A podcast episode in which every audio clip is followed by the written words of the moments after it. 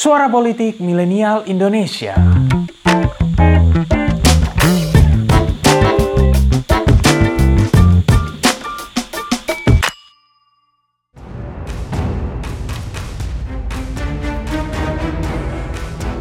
Menurut kalian keren gak sih atribut dan seremoni ala-ala militer yang diperagakan sama Ormas sampai partai politik ini?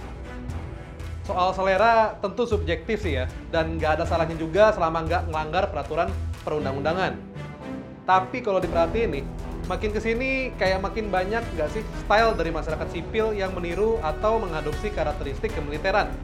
Bukan hanya ormas dan parpol, secara personal banyak juga yang suka memakai gear tactical, seolah sudah jadi aliran baru yang bahasa kerennya tactical. Dan kesan spontanitas pertama kalau lihat orang atau kelompok yang pakai atribut alat militer ini, nggak jarang menimbulkan rasa segar. Bener nggak? Ya, walaupun narasi setelahnya juga nggak sedikit yang mengkritisi dan bahkan bikin parodinya, terutama di Twitter. Senggol dulu ah, teks dari orang berseragam. Lalu, kenapa ya di Indonesia banyak yang menggandrungi style ala kemiliteran? Inilah fashion militer ala orang Indonesia.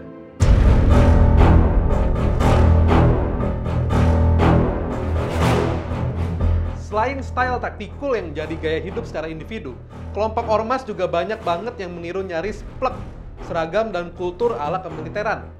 Partai politik pun nggak mau ketinggalan nih. Misalnya sebelum Rakernas Juni lalu, Nasdem menggelar seremoni apel siaga yang di dalamnya ada defile plus prosesi pas Pak Surya Paloh dan Prananda Paloh naik jeep terbuka sebelum naik mimbar utama. Bahkan sampai ada provosnya sendiri loh. Ngeri nggak tuh ya? Nggak ya, biasa aja. Paling tidak ada tiga alasan kenapa style ala kemiliteran cukup digandrungi. Pertama, karena internalisasi kultur kemiliteran Jepang. Awal mulanya sendiri nih, paham politik radikal fasisme Hako Ichiu yang dianut Jepang saat Perang Dunia II lekat dengan political uniform atau seragam politik. Tujuannya sebagai identitas dan untuk menarik format plus simpati rakyat. Kita bisa lihat political uniform ini di negara-negara yang pemerintahannya menganut paham politik radikal kayak Jerman era Adolf Hitler, Italia era Benito Mussolini, dan tentunya Jepang di bawah Hideki Tojo. Semuanya punya ciri khas pakai seragam politik, mulai dari pemimpin politiknya, saya para militer, sampai yang pasti militernya, dilengkapi dengan baju kebesaran. Menurut Mitamura Fukiko, dalam One Look Suits All, Japan Land of Uniform, selain tujuan fungsionalitas dan estetika, fungsi seragam di Jepang juga mencakup identifikasi, kebanggaan, dan motivasi, serta kekuatan menarik massa. Pada masa Perang Dunia II, Jepang menyebarluaskan propagandanya ke negara jajahan termasuk Indonesia. Salah satunya dengan memberikan seragam politik, termasuk tata cara seremoni sebagai simbol kebanggaan dan daya pikat politik. Aktualisasinya, Jepang mendirikan organisasi pelajar dan kepemudaan untuk menghimpun kekuatan politik kayak Senendan dan Keibodan, plus memberikan seragam khusus bagi mereka.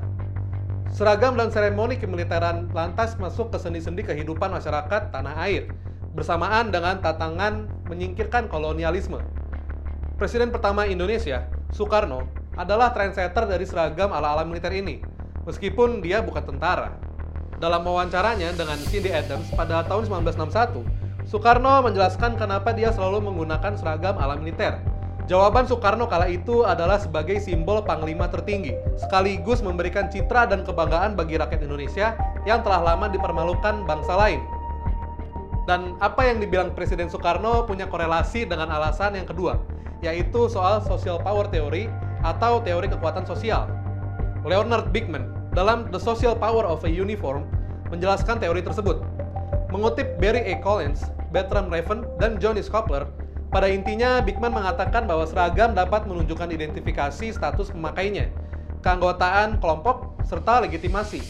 Ada faktor hierarki, impresif koersi, punishment, dan reward juga, yang mana semua itu berujung pada pola interaksi yang dianggap lebih efektif.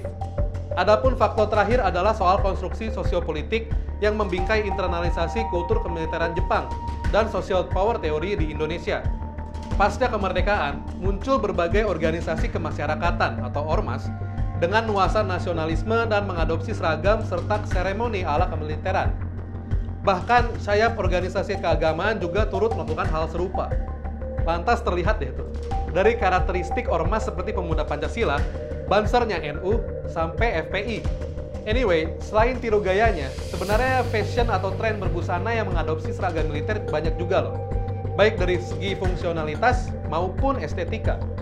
Contohnya warna khaki yang akarnya itu dari unit khusus British Indian Army Corps of Guides di tahun 1846. Terus ada lagi, celana chino yang jadi celananya tentara Amerika selama perang Amerika Spanyol tahun 1898 di Filipina. Belum lagi suit jacket yang jadi setelan jas acara formal saat ini yang merupakan turunan dari seragam cavalry frock coat. Dan masih banyak lagi deh adopsi-adopsi ini. Well, balik lagi, selera fashion emang kembali ke orang per orang. Nah, kalau menurut kalian gimana soal style ala kemiliteran dari seragam dan seremoni yang diadopsi ormas sampai parpol di Indonesia?